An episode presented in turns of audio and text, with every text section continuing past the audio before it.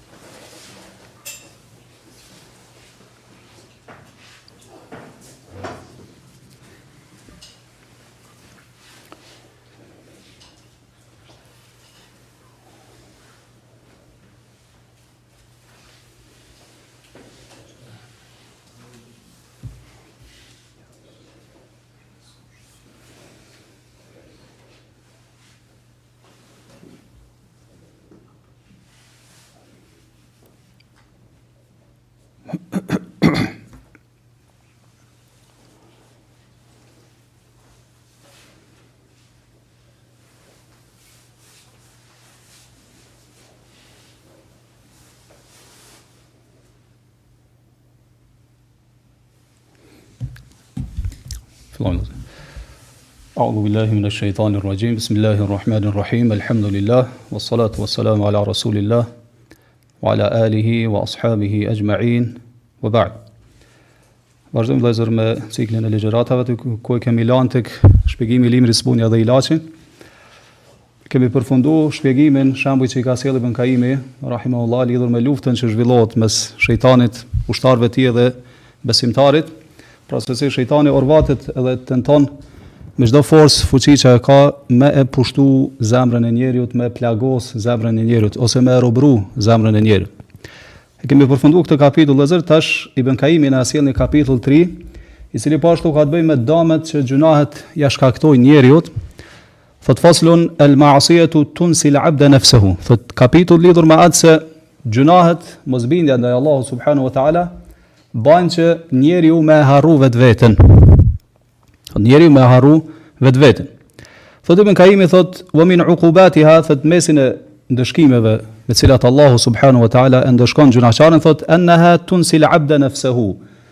Është se gjunahet bëjnë që robi i Allahu subhanu wa ta'ala me e harru vetë vetën. Me e harru vetë vetën. Thot dhe kur robi thot e harron vetë vetën, thot ehmeleha wa efsedeha wa ehlekeha. Thot kur robi e harron vetë vetën, thot tregohet i shkujdesëm ndaj saj. Pra nuk ka kujdesje ma ndaj vetes tij, e prish vetë vetën e tij edhe e shkatërron vetë vetën.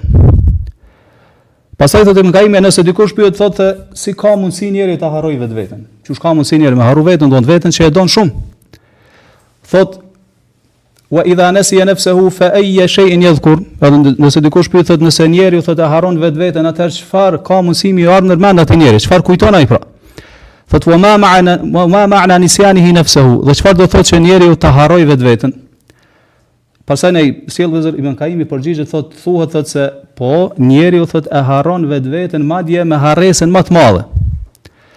Thot këtu thot për këtë dëshmon fjala e Allahut wala takunu kal ladhina nasu Allah. Dhe mos u bëni thot Allahu sikur ata që e kanë harru Allahun. Thot fa ansahum anfusahum.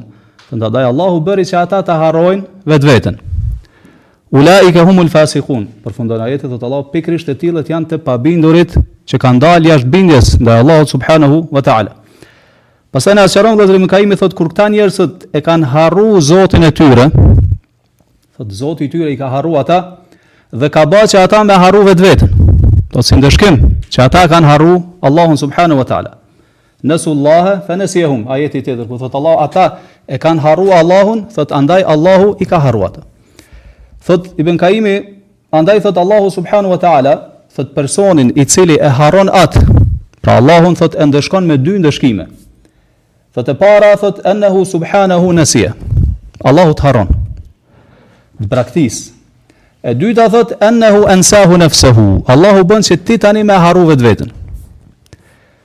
E çka është tash kjo vëllezër kur njeriu harrohet nga Allahu subhanahu wa taala. Thot Ibn Kaimi, Allahu thot të lën pa përkujdesje, të braktis. Thot Allahu nuk kujdeset më për ty. Allahu thot të humb. Andaj thot fal halaku adna ilayhi min al yadi lil fam. Këtij personi thot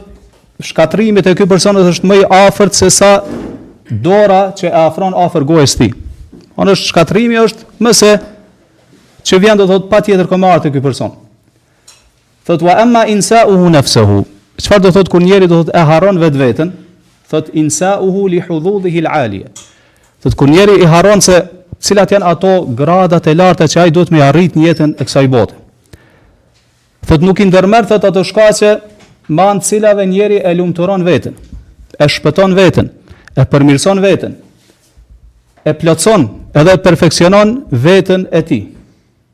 Thot Allahu bën që njeriu në këto raste me harru të gjitha këto. Për shkak do të thosë e ka harru Allahun subhanahu wa taala. Andaj thot Allahu bën që këtij personi mos me i shku ndërmend këto gjëra.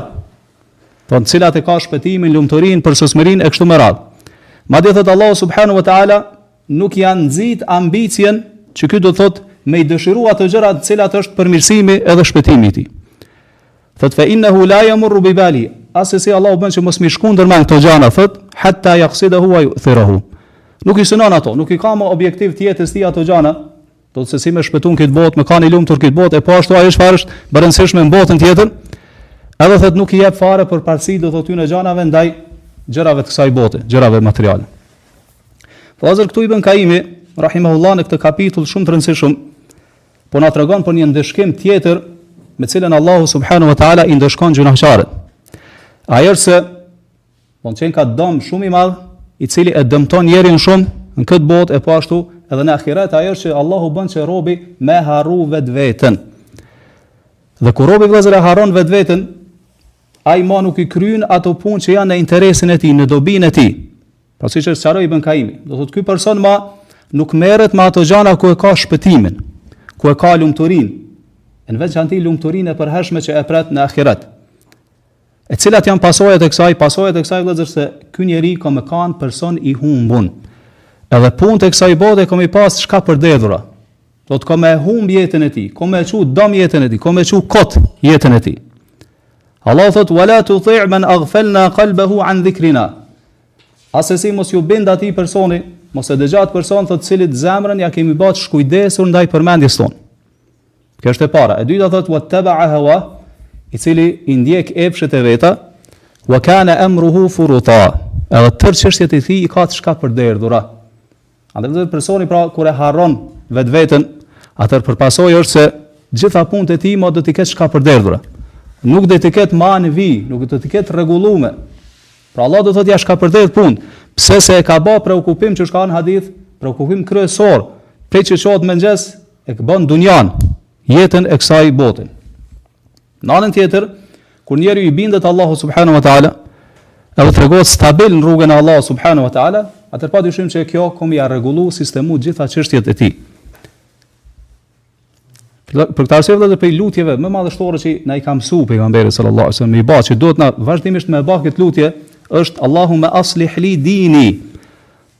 Thotë, O Allah, përmirësoma mu fenë time, Alladhi huwa ismatu amri, e cila, thotë, m'i mbron feja pra gjitha punët e mia, m'i man tub, pra m'i rregullon, m'i menaxhon dhe m'i sistemon, ashtu siç duhet.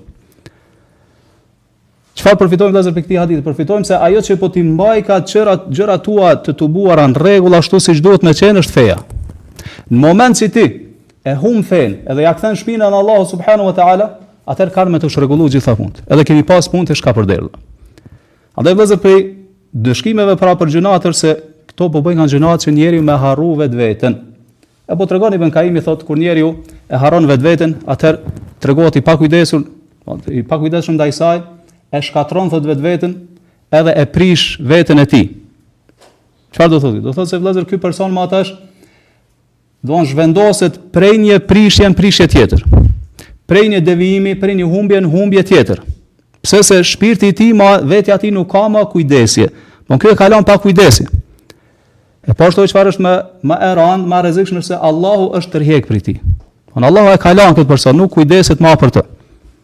E kjo është pasojë vëllezër tepër e rëndë e rrezikshme që ta shkaktojnë gjynahet.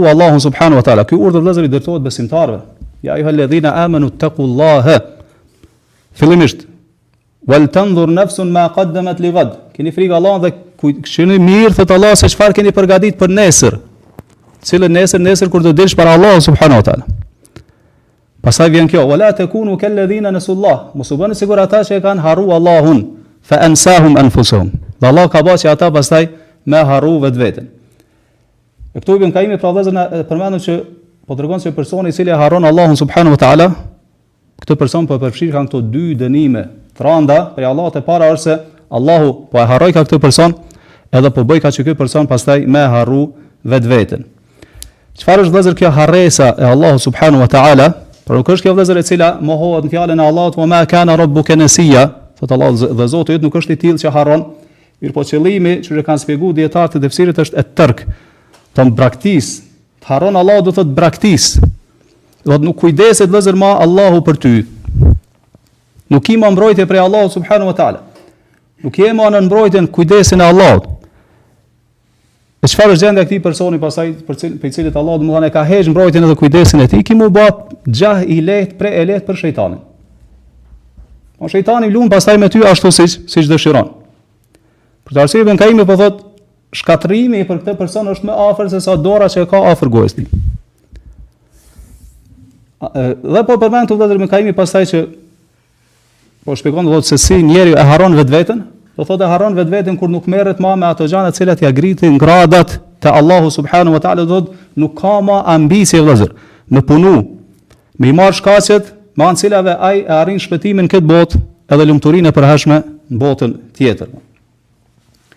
Do thotë vëllezër ky person ma, siç po thotë Ibn Kajimi, nuk ka më largpamësi. Do thot i ndërmerr ato gjëra të cilat nuk janë në interesin e tij, përkundrazi janë gjëra që e shkatërrojnë në këtë botë edhe në botën tjetër. Do thot ma Allahu ja ka hek largpamësinë sytë e zemrës, ja ka verbu për shkak të gjynaheve. Gjynaheve që i bën do thot ambiciet i ka të ulta, edhe aty sillet do thot përreth gjërave të ulta e jo gjërave që janë të rëndësishme në fenë tonë.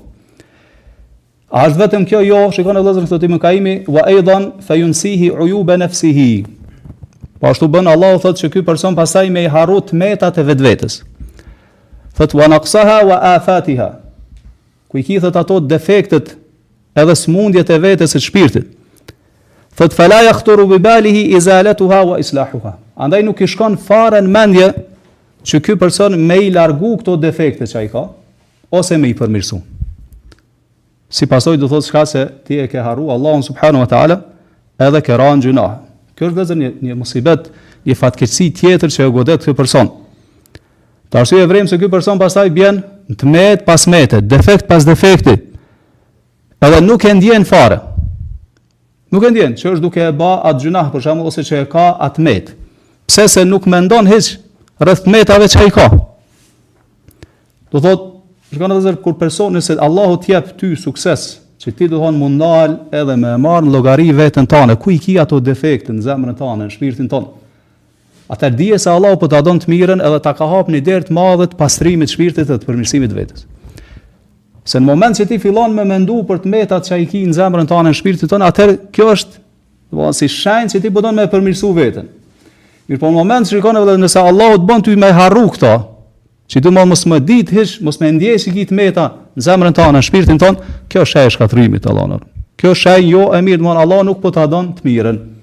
Edhe ti tash domthonë po don që ti me vazhdu n'ato defekte të meta që i ki. A vëllezër kjo është pra pasojë e madhe e gjynaheve, kur ti bon gjynahe, atëherë ti i harron ato të metat që i ki. Shikoni vëllezër shumë njerëz sot flasin për të metat e tjerve. kritikojnë tjerët, i tallin, i përqeshin tjerët, mirëpo realisht nuk ndalen me i shiku ato të meta që i kanë veten e tyre. Shkon ka njëri ndoshta nuk çohet me falë që ka sabahun me kohë, i këtë është ta sabahun, është namaz di, mirëpo, rri natën çutë, bon gjana domethonë, të kota, merret me gjana të kota, i rëndohet gjumi pasaj dhe i shkon namazi i sabahut. Çohet ku me di kur i del gjumi e fal sabahun, posa çohet fillon çka edhe kritikon njerëzit. Filani kështu, filani ashtu, filani ka bo kështu, tall njerë, tall, tallet me njerëz i përqesh i kritikon, ndërsa vetë shikon çfarë gjynahi domthon ka ra. Çi kjo është vazhdimisht ajo, me ndërlidh me këto. Po shikon ky ka harru tash në çfarë të metë të madhe ka.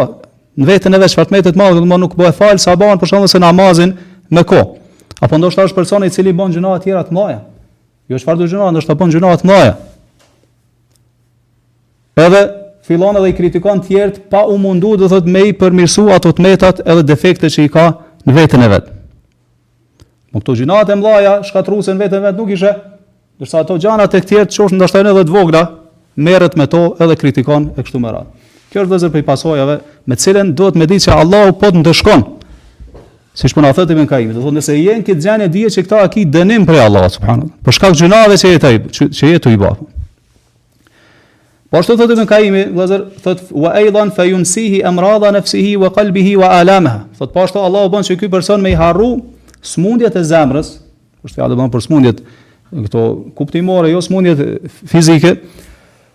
Thotë edhe bën dhimbjet ku i ka ato gjëra që i shkaktojnë dhimbje dhe defekt. Thotë fala yahturu bi qalbihi mudawatuha. Andaj thotë nuk i shkon mendje fare se si me i trajtu këto smundje. Thotë wala sa'yu fi izalati ilaliha wa amradiha. Po ashtu thotë nuk i shkon mendje fare ose nuk përpiqet fare që me i largu këto defekte edhe smundje që ai ka në zemrën e tij dhe në shpirtin e tij.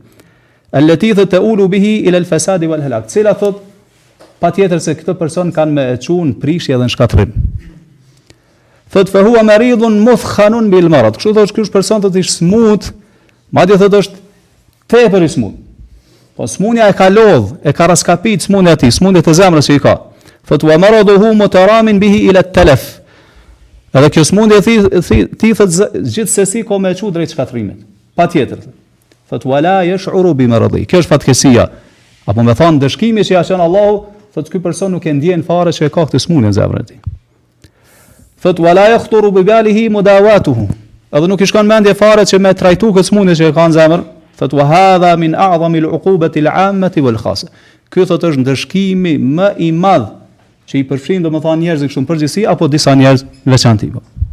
Shkon dhe pra ky është dënim prej Allahut subhanahu wa taala, siç po na tregon Ibn Kajimi, kur Allahu ty bën që ti me i harru smundjet e zemrës së tij.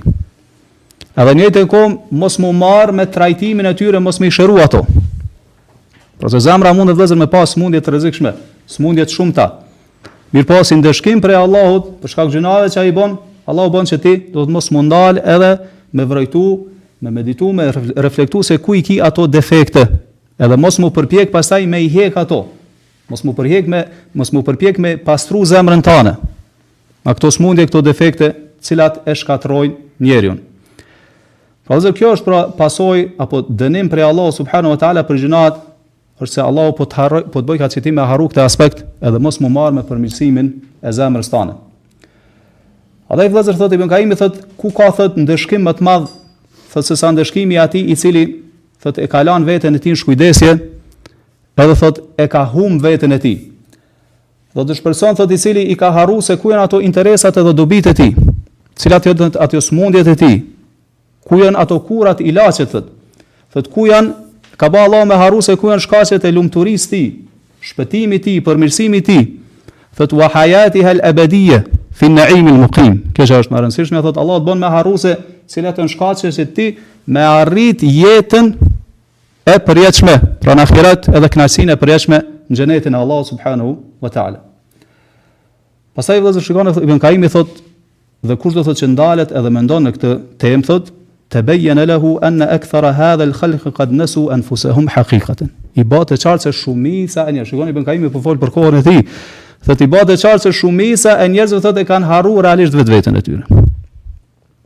Wa dayauha, thotë dhe kanë hum veten e tyre, thotë wa adau hadhdhaha min Allah.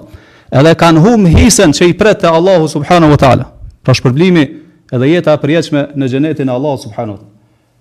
Vetëm kaq jo thotë wa ba'uha rakhisatan bi thamanin bakhsin bay' al-ghabn. Edhe kanë shit thot veten, thot me çmim të ulët, edhe thot kanë ba tregti në cilën janë mashtru.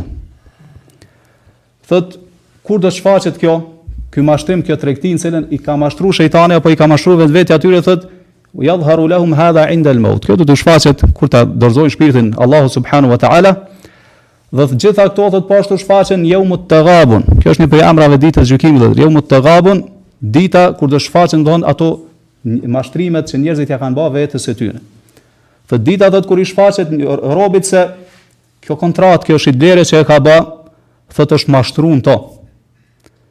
është mashtru thot në to, sepse e ka shit ahiretin për dunjan. E ka shit, do thot, ahiretin për dunjan. Thot, fe inna kulle ahadin jettexhiru fi hadhihid dunja li ahiretihi. Sepse duhet me ditë, thot, Ibn Kaimi se secili njeri, thot, në këtë botë, thot, bon tregti, për çka, thot, për ahiretin e vet. Vëllazër, kjo është një lloj tregt, kjo tregti për cilën po fol Ibn Kaimi rahimahullah, që duhet me pas në konsideratë si musliman e mos mu mashtru n'këtë tregti, mirëpo me kanë me ba tregti me Allahun subhanahu wa taala, kjo tregti me kanë fitimprurëse, fitimprurëse. Edhe me kanë që sjell dobi. Siç thotë Allahu hal edullukum ala tijaratin tunjikum min adhabin alim. A doni t'ju tregoj thotë Allahu për një tregti o besimtar, thotë e cila ju shpëton nga dënimi i dhëmshëm. Për man tu'minuna billahi wa rasulihi, të besoni Allahun dhe të, në të dërguarin e tij. Dhe kjo, që kjo tregti, vllezër, që kjo tregti madhështore, tregti e cila i sjell dobi edhe fitim besimtarit Është tregti që e bon me Allahun subhanahu wa taala, megjithatë po tregon Ibn Kaimi se shumë njerëz mposhten edhe mashtrohen në këtë tregti. Edhe dështojnë. Madje vëllazër shumica e njerëzve, përveç atyre që i mëshiron Allahu subhanahu wa taala, e sakrifikon ahiretin e tij për dunjan e tij. Do thotë e këmben shpërblimin e Allahut subhanahu wa taala me dënimin e Allahut subhanahu wa taala.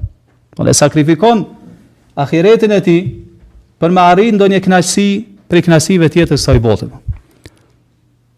Shumë e shohim këta në përditshmërinë tonë sa e sa do të thotë farze e obligime të Allahut subhanahu wa taala nuk veprohen, sa e sa ndalesa t'Allahut subhanahu wa ta'ala nëpërkamben, pse vetëm e vetëm që njeriu të arrijë një knaqsi prej knaqsive t'jetës kësaj bote. Apo ndonjë përfitim material nga jeta e kësaj bote. A dhe dhe kjo është një parim që ne duhet me e msu mirë edhe me kuptu mirë. Ajo është që kapitali yt kryesor n'këtë botë është feja jote. Ky është kapitali yt kryesor. Që ti duhet me e ru, edhe m'u kujdes për to. Çka vllezër nëse ti bon tregti të jetës ksaj bote, njeri hyn, edhe mundohet do thot me pas fitim n'to, çka vepron, gjithmonë kujdeset çka për kapitalin e tij. Gjithmonë mundohet që mos me ju mangësu, domethënë ai kapitali i tij. Pastaj çka të vjen prej fitimeve është e mirëseardhur. Mirëpo gjithmonë çka e run me koprraci ma të madhe atë kapitalin, investimin e tij që e ka jep. E feja vëllazër duhet me kanë e tillë që ne duhet m'u kujdes për ta edhe më shumë. Se ky është kapitali yt do të thotë kryesor. me të cilën të ka nderu Allahu subhanahu wa taala. Andaj çdo tregti vëllazër me e marr kështu, e cila ta dëmton këtë kapital kryesor fenë tane, nuk duhet ti si musliman duhet m'u largu prej saj. Duhet m'u largu me qenë sa më larg prej saj. Do të thotë mos me ndërmarr diçka n'dom të ahiretit ton. Edhe nëse mendon se po fiton diçka në to, apo po arrin diçka përme, po arrin diçka nëpërmjet saj. Në anën tjetër vëllezër shikone, personi i cili, thonë, Allahu jep sukses, edhe e runë këtë kapital, pra e runë fenë e tij, edhe nëse i ikë diçka prej çashtjeve tjera të kësaj bote, ai prapë ka me kanë fitimtar. Edhe atij i takon hisja prej fjalës pejgamberit sallallahu alaihi wasallam men taraka shay'an lillahi awadahu Allahu khairan min. Kushdo që braktis diçka për hir të Allahut subhanahu wa taala, thot Allahu ja zavendson me diçka më të mirë se ajo. Këtë duhet me pasë vëllezër gjithmonë parasysh, edhe me e ditë që ky premtim i Allahut është i vërtet. Pastaj që ky zavendësim prej Allahut ndodh në forma të ndryshme. Mirëpo, me qenë i bindun se patjetër ka me ardhë. Edhe patjetër Allahu ka me ta zavendësu diçka nëse ti e ke lanë për hir të tij, subhanahu wa ta'ala.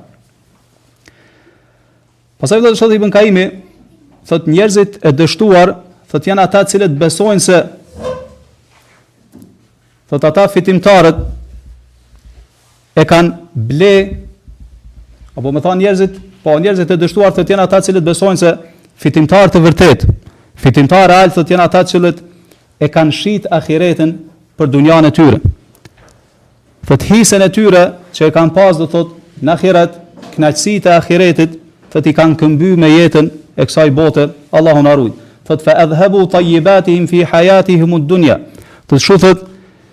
Gjitha të mirat thot i kan shpenzu, i kan konsumu në jetën e tyre dunja, Allahu thot wastamta'u biha, jan knaq me to, wa radu biha, jan pajtu me to, thot watma'annu ilejha, edhe jan qetësu me to. Thot wa kana sa'yuhum li tahsiliha. Edhe krejt përpjekja e tyre thot ka qenë që ata me i arrit këto knaqësi. Thotë kanë shit, kanë ble, kanë ba tregti, mirëpo kanë dështu në këtë tregti, pse? Se e kanë shit ahiretin për dunja. Kanë shit ahiretin për dunja. Thotë e kanë shit shpërblimin që do të vi pas një kohe dhe janë mashtru se do për një për një përfitim material që e kanë në dorë.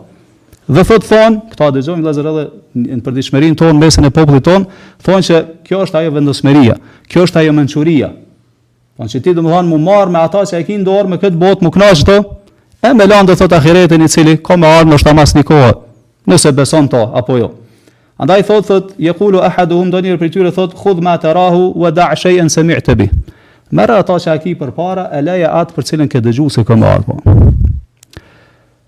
Thot fa kayfa abi'u hadiran naqdan mushahadan fi hadhihi ad-dar?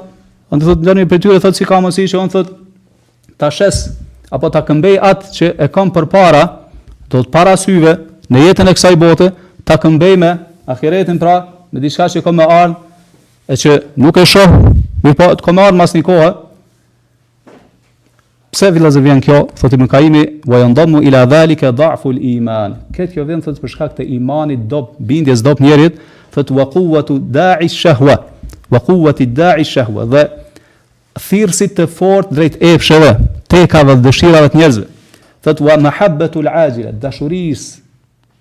Do dashurisë të madhe ndaj jetës së kësaj bote, thotë. Wa tashabbuhu bi bani al-jins. Edhe imitimi që njerëzit ia bajnë çka?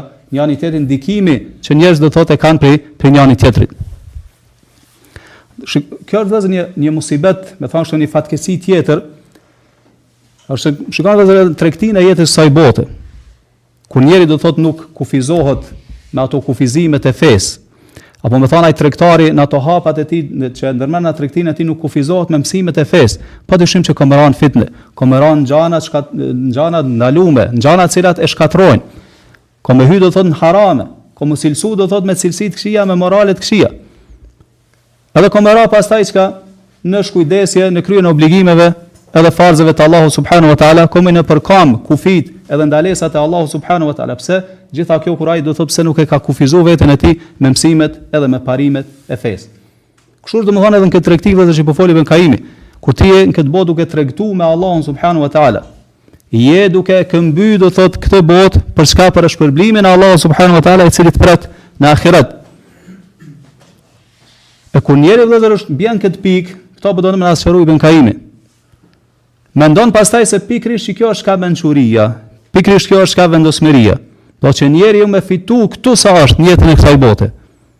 Me marr atë që e ka përpara, Edhe mos me mendu fare për premtimin që ia ka ba Allahu subhanahu wa taala në ahiret shpërblimin e madh që e pret. Madje edhe nëse humb, do të humb ahiretin e tij nuk gajlohet fare. Se mendon se ajo çfarë duhet me pas është ajo që e ki në dorë, do. E jo mos m'u brengos për diçka e cila do të vij çka, ma vonë sipas pretendimeve tyre. Allahu na rujt vëllezër, kjo është çka dështimi ma i madh, në të cilin mundet me ra njeriu. Kjo është privimi ma i madh. Kjo është dështimi ma i madh. Allahu na rujt. E kur do shfaqet kjo? Po tregon Ibn Kaimi thotë jeumu tegabun. Ditën e tegabun ditën e kiametit do thotë kur shfaqet del në shesh në realitet se kush është mashtru. A është mashtru ai i cili këtë botë e ka këmby me ahiretin apo anasjelltas? Thot Ibn Kaimi, thot fa aktharu al-khalqi fi hadhihi at-tijarati al-khasira. Shumica e njerëzve thot janë duke ndërmarrë këtë tregti të dështume, thot për cilën Allahu thot ka thanë ulaika alladhina ishtaraw al-hayat ad-dunya bil-akhirah. Thot të tillët janë ata të cilët thot jetën e kësaj bote e kanë këmby do thot me me ahiretin. E kanë këmby me ahiretin. Apo me thanë e kanë shit botën tjetër, çka për për dunjan Allahu na rujt. Andaj vëllezër njeri duhet me pas pra kujdes tepër të madh siç thamë, edhe mos mos mos me ra në kët nivel muslimani. Mos mos m'u cilësu me këto cilësi të këtyre personave. Qoftë edhe nëse është sado pak mos me e këmby do thot ahiretin për dunjan.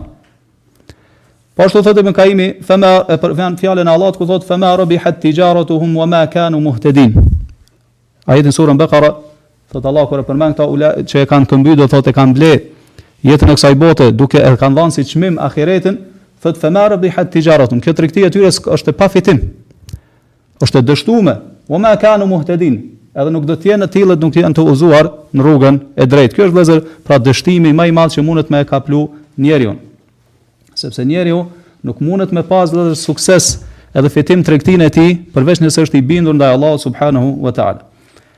Pastaj thot vëllezër ibn Kajimi thot fe idha kana yawmut tagabun, kur n'ditën e tagabun pra n'ditën e kiametit thot u shfaqet që ky mashtrimi që këta e kanë pësu në këtë tregti. Mirpo atëherë është tepër vonë. Thot fa tataqatta'u 'alayha an-nufusu hasarat. Kur ta shohin pastaj këtë mashtrim, në cilin kanë ra, thot shpirtat ju coptohen nga mërzia dhe nga pikëllimi. Mirpo atëherë nuk është më koha vëllazër, nuk bën dobi më pikëllimi. Se nuk është më kohë kur pranohet çka pendimi. Edhe kur njeri i bjen pishman. Se ka kaluar më domethënë vetëm n'dunja pranohet një gjë, një gjë e tillë. Kjo vëllezër është një prej emrave ditës, siç thamë ditës Kiametit, yawmut tagabun.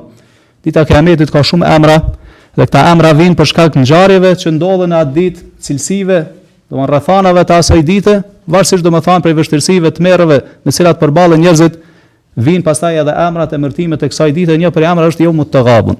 Domethënë dita ku shfaqet haptazi domethënë se kush ka qenë i mashtruar në jetën e kësaj bote. Thotë Ibn Kajimi pastaj thotë shikoni e përmend i përmendi këta njerëz të dështuar në këtë tregti, pastaj i përmend kush janë fitimtarë në këtë tregti, thotë thotë wa amma rabihun, sa i përket atyre që janë fitimtarë në këtë tregti, thotë fa innahum ba'u faniyan bi baqin. Thotë janë ata njerëz të cilët e kanë shit jetën kalimtare të kësaj bote për me e përfitu çka ahiretin i cili është çka i përhershëm. Thot wa khasisan bi nafis wa haqiran bi azim. Thot janë të tillë që e kanë shit jetën e kësaj bote që është e pavlerë e ult me atë që është madhështore me vlerë pra që është ahireti, që ka çmim të madh.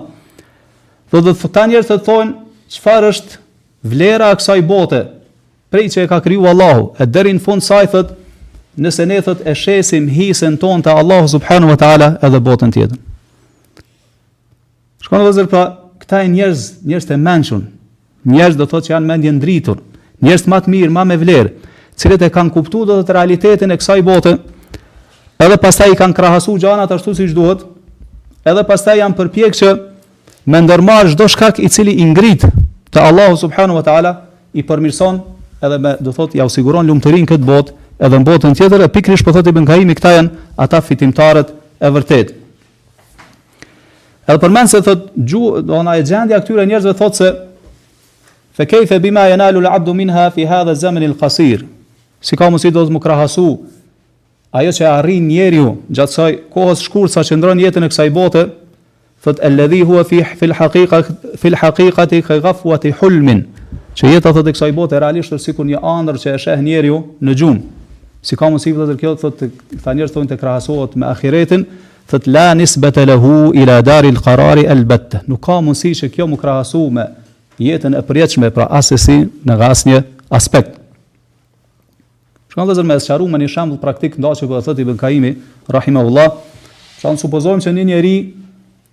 Ma me sa ma e rrezikshme është kjo punë. Në njëjtën kohë sa e rëndësishme është që ne me marr mësim prej kësaj. Pra ne supozojmë që një njeri tregtar po merr udhë edhe po don me bani tregti. Me fitu, mirëpo, ajo tregti është haram. Përfiton prej saj shumë. Po në përqindja që e fiton prej kësaj tregti është shumë e madhe, shumë e lartë. Mirëpo, tregtia është haram, ose në to ka kamat, ose ka mashtrim, ose ka tradhti e dredhina ndryshme e kështu me radhë. Megjithatë ky e arrin vëllazër, shikoni këtë tregti. Edhe fitimin që e merr e vendos do thonë xhirollogarinë e vet. Bahet gati m'u kthy në shpinë e vet. Tu u kthy çka vdes gjatë rrugës. Vdes gjatë rrugës më. A ka fitu diçka realisht ky? Jo. Do të thonë ky ky ka dështu vëllazër, shikoni. Ky ka dështu, do ka dështu me dështim të madh.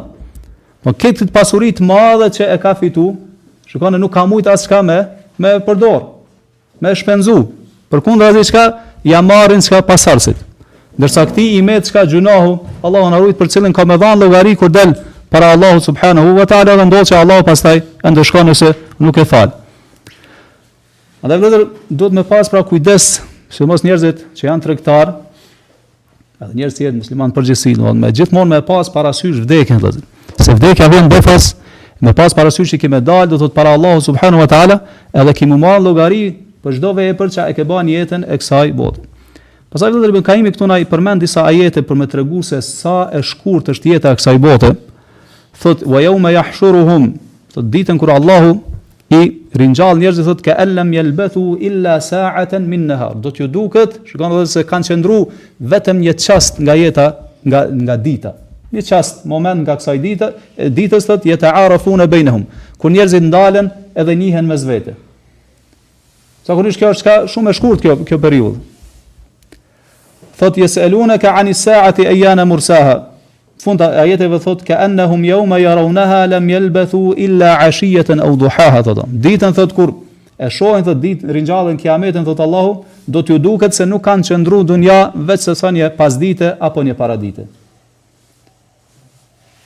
Thot ka annahum yawma yarawna ma yu'adun lam yalbathu illa sa'atan min nahar. Po ashtu thot Allahu në një ajet tjetër, ditën thot kur të shohin kiametin thot do t'u duket, do të kur të shohin atë që u ka premtu Allahu pra do t'ju duket se nuk kanë qëndru në dunja veçse një çast nga dita.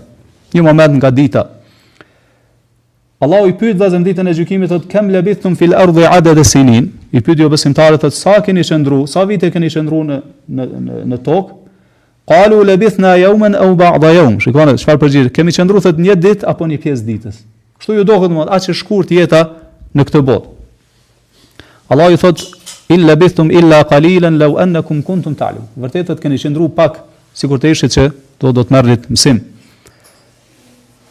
Po ashtu thot Allahu yatakhafatuna bainahum in labithtum illa ashra Në ditën e kiametit kur i ringjall jobesimtarët Thot ata bisedojnë fshehtas mes vete Edhe thonë që nuk keni qëndru në dunja veçse dhjetë dit Pastaj Allahu përmend fjalën e atyre që është më i mençuri prej tyre thot in labithtum illa yawma Thot jo dhjetë mirëpo veç një dit keni qëndru në jetën e dunjas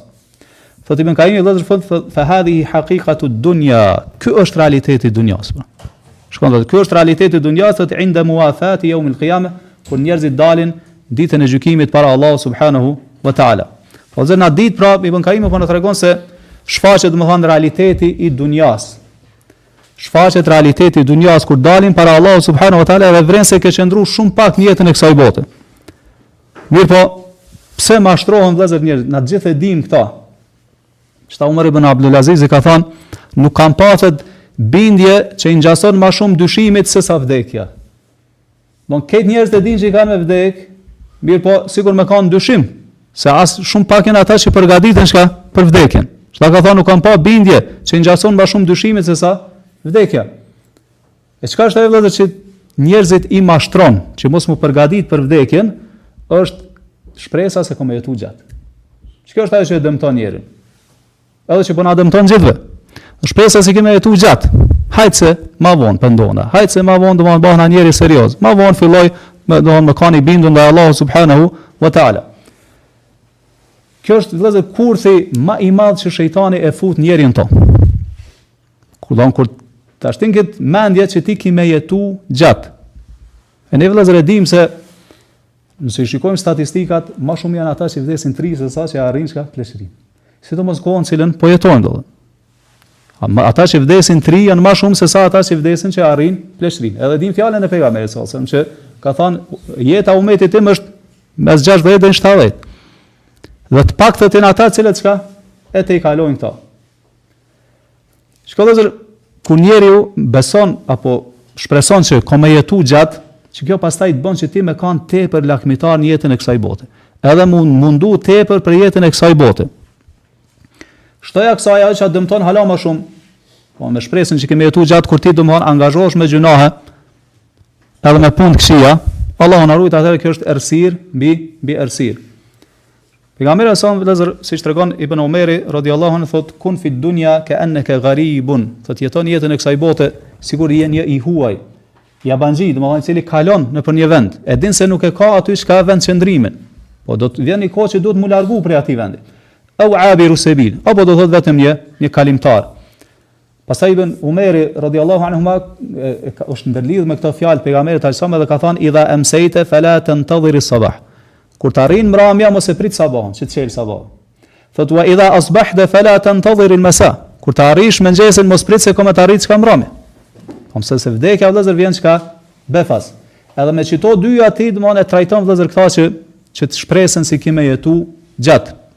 Nuk po themi se njeriu duhet mos m'u angazhu në jetën e kësaj bote, jo, mirëpo me pas vllezër kujdes mos m'u mashtru nga dunjaja.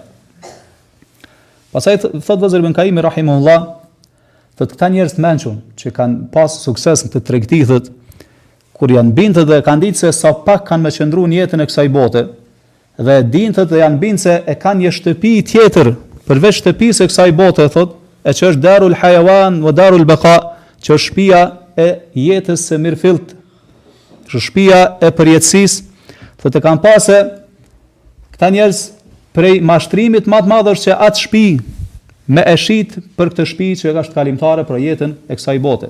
Andaj thotë këta njerëz kanë ba tregti, thotë, ashtu siç bajnë tregti njerëzit e mençur, edhe thotë nuk janë mashtru me tregtinë e njerëzve mendjelehtë.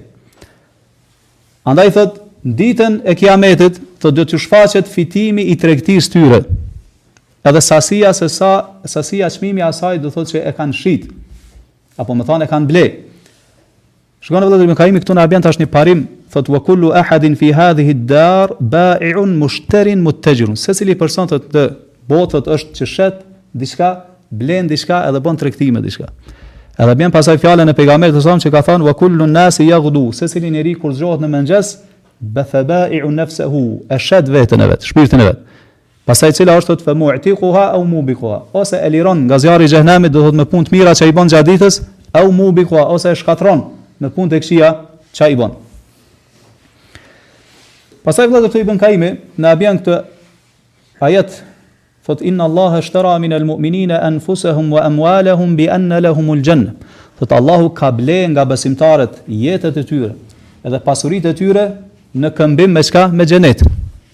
në këmbim me xhenetin.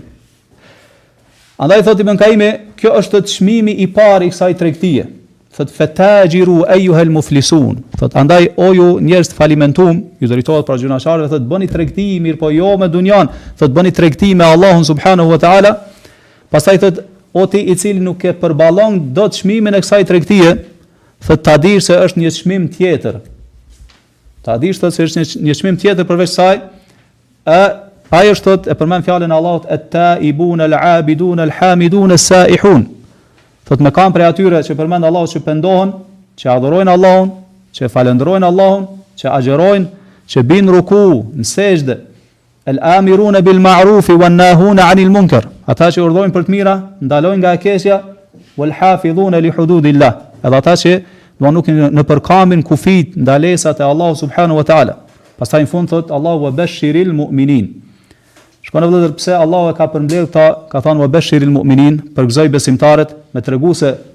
Fjala iman, pra besim, i përfshin vëllezër të gjitha këto punë të mira. Gjitha këto hinë në emërtimin e imanit. Pra me na tregu Allahu se imani nuk është vetëm besim në zemër, nuk është vetëm çka shprehje me gjuhë, mirëpo çka patjetër në iman do të me pas pendim, do të me pas lavdërim, falënderim ndaj Allahut subhanahu wa taala, do të me pas ruku, do të me kanë me pas sexhde, urdhërim për të mirë, ndalim nga e keqja e kështu me radhë.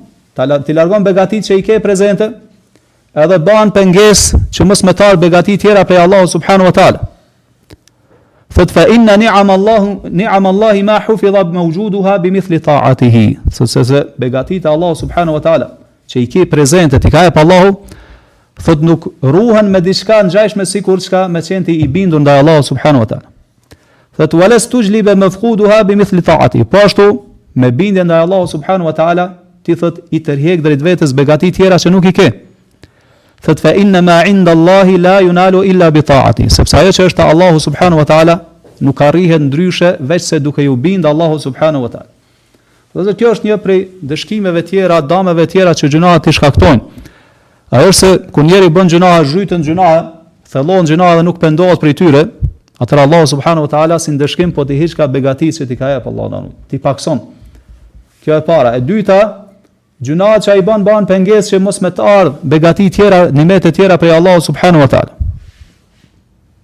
E nëse je i bindun ndaj Allahut subhanahu wa taala atëherë Allahu po t'i ruajka ato begati që i ki. Edhe në njëjtën kohë po mbulojka po sillka begati tjera. Se thotë Allahu wa idh te'edhena rabbukum kujto kur Zoti juaj ka shpallur domethën publikisht la in shakartum la azidannakum nëse ju e falenderoni Allahun thot Allahu gjithsesi çka do t'ju shtoj begatitë edhe mirësitë. Wa la in kafartum inna adhabi la shadid. Mirpo thot Allah nëse tregoheni mosmirënjohës, mohues ndaj meje, ta dini se ndëshkimi im është shumë i ashpër, shumë i rëndë. Gjynahet pra vëllezër këta e paskan këtë efekt negativ, do thotë po ndikojkan edhe në jetën, bereqetin e njeriut. Shikoni vëllezër Ibn Kaimi pastaj thotë,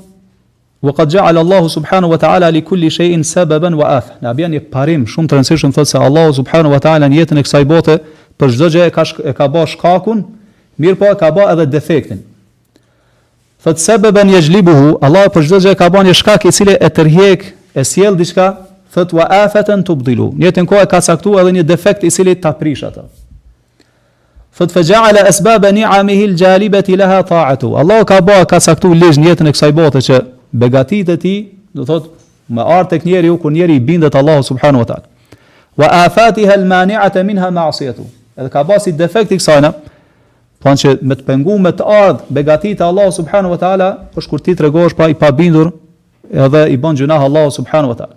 Andaj thot kur Allahu dëshiron që ty apo robit do të me ia ru begatin që ja ka jep, thot elhamahu ri'ayataha bi ta'atihi fiha. Allahu të frymzon. Edhe të jep sukses që ti me kan i bindun ndaj Allahu subhanahu wa taala, me ju bind Allahut përmes asaj begatie që ta ka jep. Domthon, kjo është shembull vetëm se shikoni begatitë që ti ka jep Allahu subhanahu wa taala që janë shumë tani në jetën e kësaj bote. Domthon ti shfrytëzon me ju bind Allahut subhanahu wa taala ta dije se Allahu është duke ta dashur mirën, edhe po don me ti rujt ato begati. Thot wa idha arada zawala, nëse Allahu dëshiron me ta marrë çat begati që ta ka jep, thot khadhalahu. Allahu tërhiqet prej teje nuk t'mbron, thot hatta asahu biha. Edhe njeri pasaj i bën gjunah Allahut me begatin që ja ka jep. Allahu të ka dhënë pasuni, ti pasunin e shfrytzon çka n'haram. Të ka dhënë syrin, ti syrin e shfrytzon me kshyr çka haram. Të ka dhënë veshin, veshin e shfrytzon çka me me me dëgju haram e kështu me radhë. Pastaj domethënë Ibn Kajimi thot, prej gjërave më të çuditshme thot, është se njeriu i din gjitha këto, Gjitha këto që i përmendëm, se gjynahat i largojnë begatitë, thotë dhe i sheh këto thotë në veten e vet, edhe i sheh edhe tek tjerët, edhe i dëgjon thotë lajme që i vijnë të ndryshme për njerëzit që i kanë bërë gjynah Allahut se si Allahu do thotë ja u ka largu begatitë e tij. Thotë wa huwa muqimun ala ma'siyati Allah. Edhe me gjithë atë thotë vazhdon me i bë gjynah Allahut subhanahu wa ta'ala ka annahu mustathnan min hadhihi al-jumla. Sikur të ishte i përjashtuar prej këtyre mesit njerëzve të tjerë.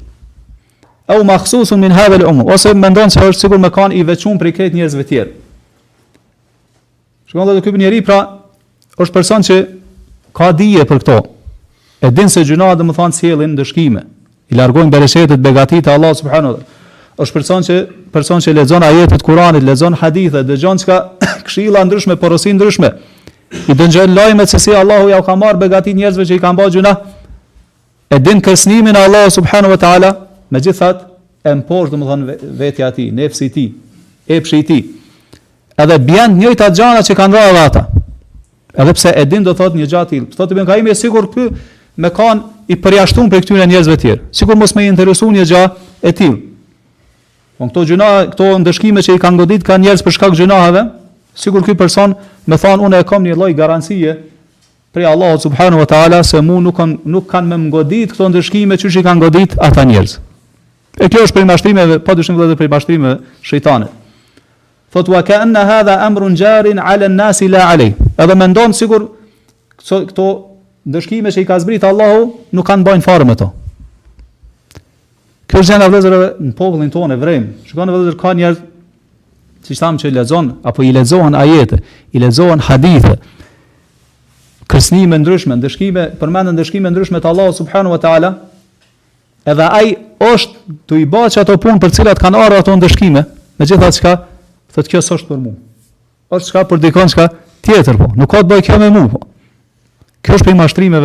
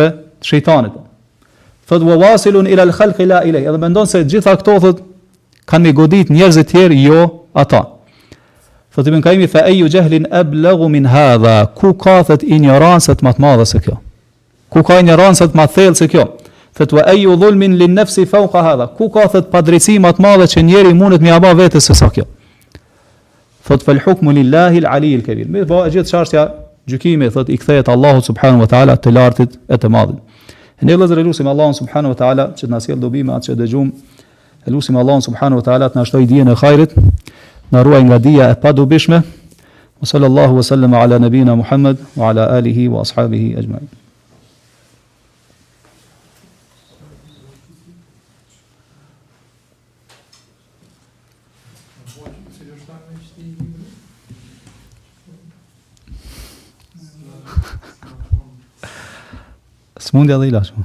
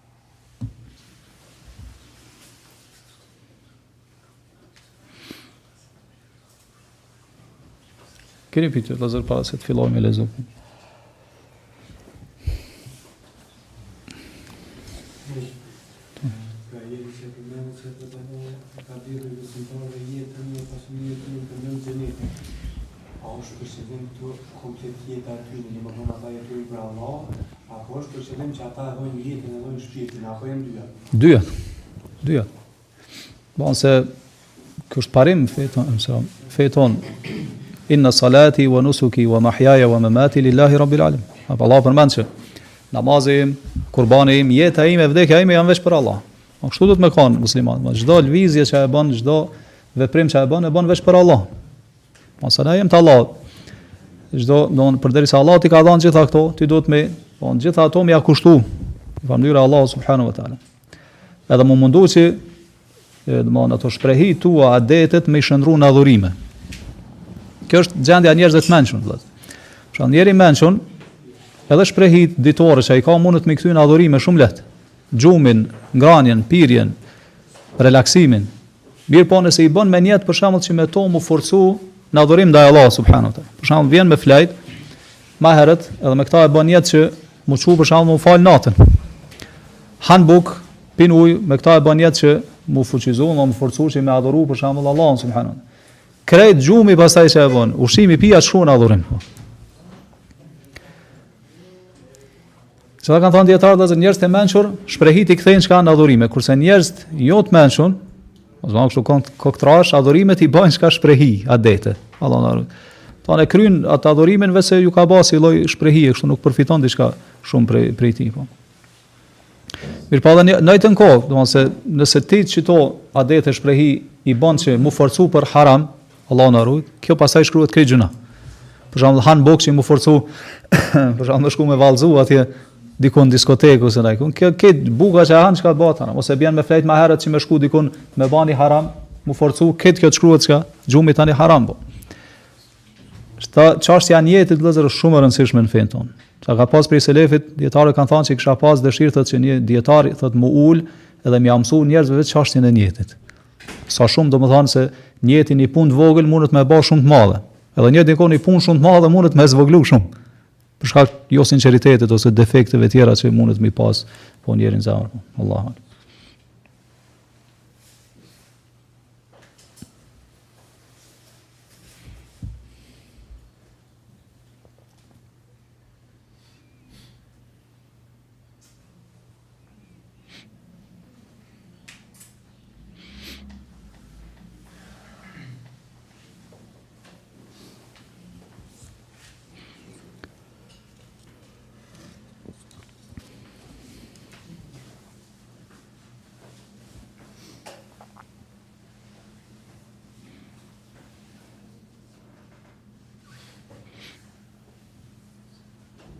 Thot ka marr gusull pa nijetin për abdes. Pastaj kam veshur çorape. Dhe kur ka hyrë vakti i drekës, më duket se kam harruar të laj këmbët. Më shumë jam me mendimin se nuk i kam larë këmbët, por u kam dhënë vetëm mes'h. Dhe kam vazhduar kështu ikindinë e akshamin. A duhet ta përsëris? Nuk e kuptova ashtu. Ë Më shumë jam me mendimin se nuk i kam larë këmbët, por u kam dhënë vetëm mes'h. Aha. Po kjo ka marr abdes pastaj. Po. Shiko edhe gusli gusli nëse është gusl prej gjunubllëkut, sipas mendimit të saktë të dijetarëve, atëherë mjafton edhe e zëvendëson edhe abdesin. Pse se pastërtia është parim, domethënë diçka që është e vogël futet automatikisht në ata që është ma e madhe. Për shembull, tekbiri fillestar me tekbirin e ramjes në ruku, sheh se të ka ik, se është imami në ruku edhe po tutesh se nëse i merr dy tekbire ai çohet prej prej rukus për shembull. Atë të lejohet me marrë çka veç një tekbir. Tekbirin fillestar Allahu Akbar edhe me ra çka në ruku. Mos me thon dy herë. Nëse thu s'prish punë, mirëpo të lejohet me thon edhe një herë. Pse? Se ky tekbiri i zhvendosjes prej një shtyllë në shtyllë tjetër është obligim. Ndërsa tekbiri me hy në namaz është shtyllë e namazit. Kështu që ky futet në ta, që është ma, në rang, në nivel ma të vogël në ata që është nivel ma të madh. Edhe këtu, domethënë kanë thënë dijetarët, pastërtia e vogël, këtë rast që është abdesi, hyn tek pastërtia e madhe që është gusli. Disa kanë thënë se duhet me bë nijet një gjë të tillë, për shembull, para se me filluar me marr gusl, me zemër e bën nijet që ti po merr edhe abdes në njëjtën kohë. Disa kanë thënë kjo nuk është kusht, domethënë, mjafton. Se në moment që ti domethënë merr gusl, ki edhe, ki edhe abdes. Kështu që domethënë nëse ke vepruar kështu, inshallah do thotë ki abdes po. Edhe nëse nuk e ke bë nijet, wallahu alam. Pastaj thotë kur kam veshur çorape dhe ka hyrë vakti i drekës, më duket se kam harruar të laj këmbët. Kjo tash po tregon se paska marr abdes tash për drekë. Mirëpo, është në dyshim se domethënë a i ka la këmbë apo jo. Shiko këtu duhet me pas një parasysh një, një diçka, nëse është personi i cili është i sprovuar me vesvese shumë.